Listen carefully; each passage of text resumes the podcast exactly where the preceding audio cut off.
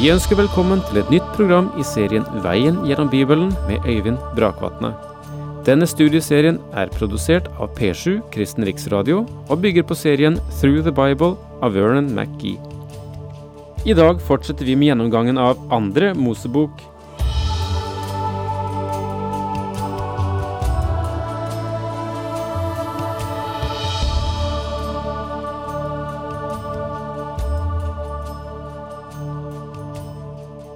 Vi er eh, klar til å gå løs på annen Mosebok, kapittel 34.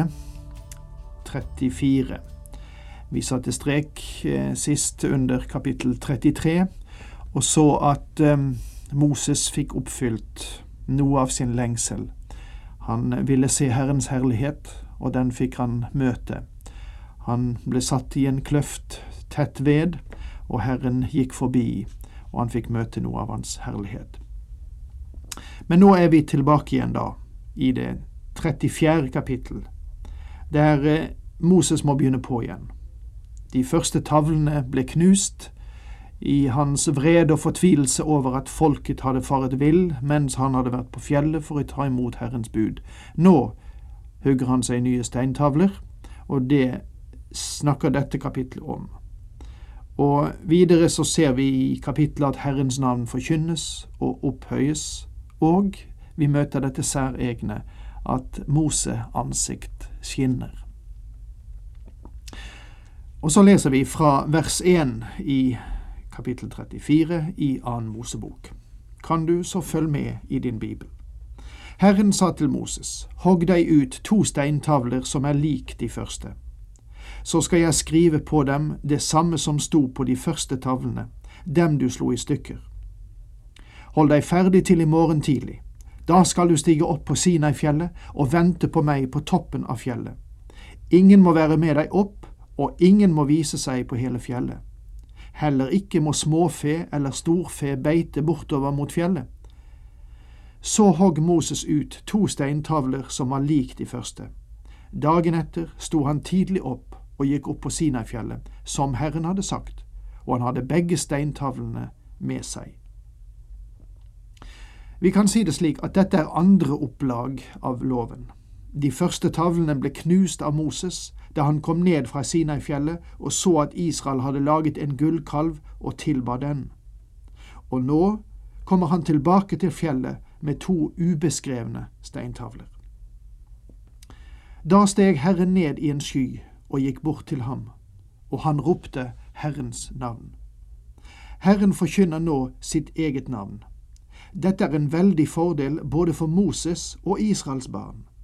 Et navn har sin mening. Når du hører navnet Hitler, hva tenker du på da?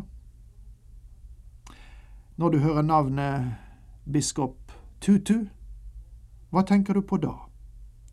Du kaller frem visse forestillinger i ditt sinn. Gud forkynner nå sitt navn, og han ønsker at israelittene skal huske de ting de hadde opplevd sammen med ham siden de forlot Egypt. Herren gikk forbi rett foran øynene på ham og ropte, Herren, Herren er en barmhjertig og nådig Gud, langmodig og rik på miskunn og sannhet. Han lar sin miskunn vare i tusen slektsledd. Han tilgir synd og skyld og brott men han lar ikke den skyldige slippe straff. Gud gir ikke nåde på det grunnlag at han lukker sine øyne for den skyld vi bærer og sier, jeg vil bare glemme at de har syndet mot meg. Synd må straffes og betales for. Gud frir ikke den skyldige. Hva hender da? Hvordan holder han oppe sin nåde og tar vare på den skyldige på samme tid? Fordi et offer er blitt gitt. De ofrene Israel bar frem ved den tid, tok ikke bort synd, men de pekte hen til det fullkomne offer, den Herre Jesus Kristus, som, da han kom, tok bort synd ved sin død på korset. Han lar straffen for fedrenes synder komme over barn og barnebarn i tredje og fjerde ledd. Det er verdt å huske at i dag kan du begå synd som vil ha innvirkning på dine barn, dine barnebarn og dine oldebarn. I psykologien er det ikke fjernt å se slektsleddene i sammenheng og merke hvordan spenninger eller psykiske svakheter kan overføres fra ett slektsledd til et neste, og deretter til neste igjen. Vi får understreke for hverandre at vi kan ikke bryte Guds lov uten at det har konsekvenser, ikke bare for oss selv, men for slekter som følger etter oss. Gud er alltid den samme. Hans lov forandrer seg ikke. Men takk Gud, han gir nåde i tusen ledd og tilgir misgjerninger. Om vi bare venner oss til ham, så vil vi finne nåde. Da falt Moses straks på kne, bøyde seg til jorden og tilba. Han sa, Herre, dersom jeg har funnet nåde hos deg, så gå med oss, Herre. Dette er et strilunt folk, men du vil tilgi vår misgjerning og synd og gjøre oss til din eiendom. Dette er fjerde gangen disse mennesker er blitt kalt strilynte eller hardnakkede. Og nå håper jeg at du innser at Gud aldri frelste nasjonen Israel fordi den sto høyere enn andre nasjoner, eller fordi de oppførte seg ek så eksemplarisk, eller fordi de virket så lovende. De er et hardnakket, et strilynt folk. Da sa Herren, Ja, jeg vil slutte en pakt. I hele ditt folks påsyn vil jeg gjøre slike under som det ikke har vært maken til på hele jorden eller hos noe folkeslag. Hele det folket du lever iblant, skal se hvor fryktinngytende det er, det verk som jeg, Herren, vil gjøre for deg. Ordet fryktinngytende er ment å gi den dypeste respekt. Dette ordet har ikke samme betydning som fryktelig eller sjokkerende. Det er en del av det skjold og vern som Gud satte rundt sitt folk. De ville bli utslettet av fienden om han ikke hadde gjort det. Gi nøyakt på det jeg befaler deg i dag. Se, jeg vil drive ut amorittene, kananeerne, hetittene, perisittene, hevittene og jebusittene. Gud sier at han vil drive ut alle Israels fiender, og dette er tredje gang han har lovet dette. Ta deg i vare så du ikke slutter pakt med innbyggerne i det landet du kommer til, for at de ikke skal bli en snare for dere.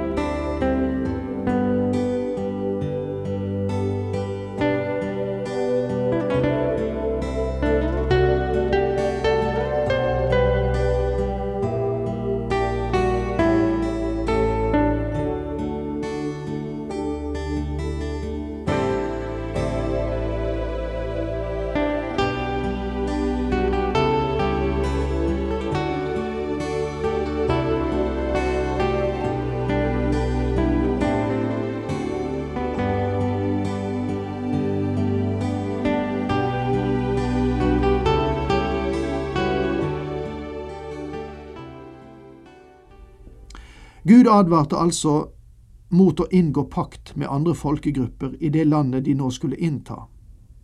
Da gibeonittene kom til Josva, det finner du omtalt i Josva-boken, og det kommer vi nok til en gang, så lurte de israelittene. De lot som de var kommet uendelig langt borte fra, og de hadde gammelt brød som skulle bevise det, i alle fall for Josva. Hvorfor ville ikke Gud at Israel skulle slutte pakt med folk i Kanans land? Fordi hvis de gjorde pakt med disse folkegruppene, så ville det være en snare for dem og føre dem inn i en ny avgudsdyrkelse. Dere skal rive ned altrene deres, slå i stykker steinstøttene og hogge ned asjera-pelene.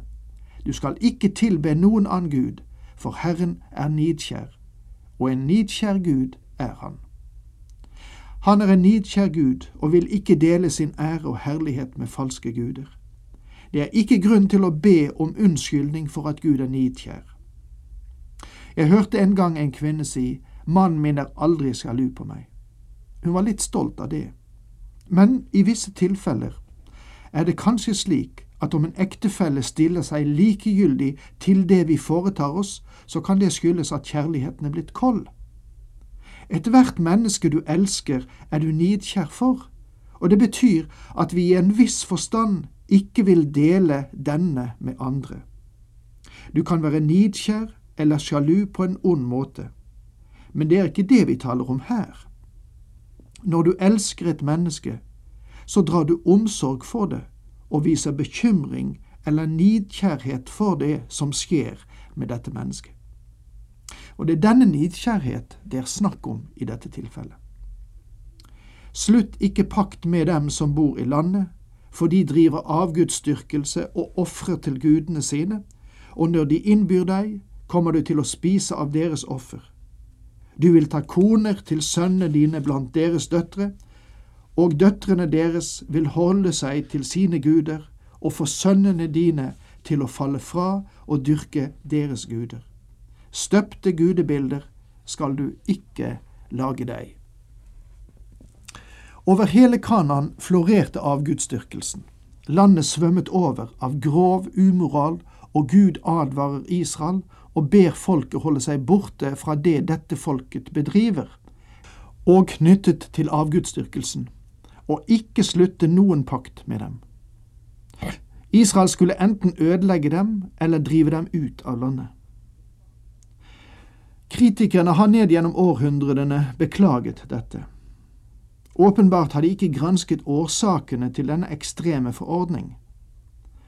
Den mest åpenbare årsak er, selvfølgelig, at Gud ville beskytte sitt eget folk fra avgudsdyrkelsens råskap.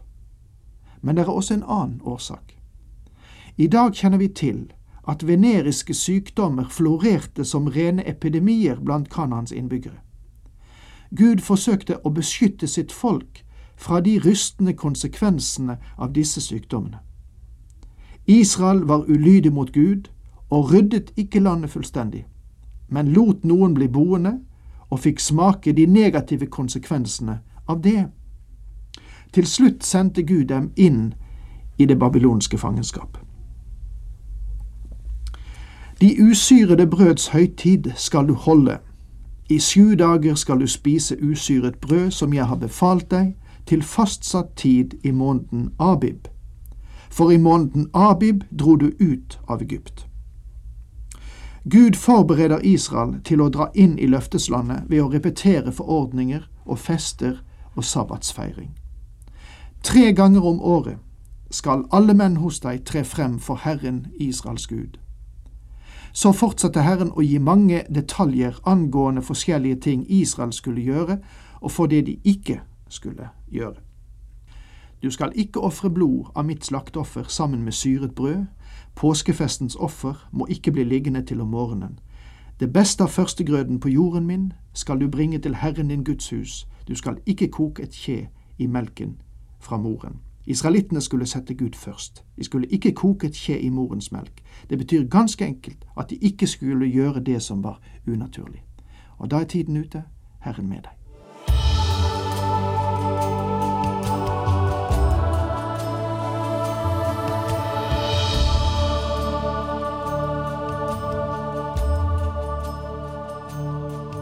Du hørte Øyvind Brakvatne i studieserien Veien gjennom Bibelen. Serien bygger på et manus av Vern McGee. Har du spørsmål eller kommentarer til programmet, kan du sende en e-post til vgb krøllalfa p7.no. Takk for i dag, og på gjenhør.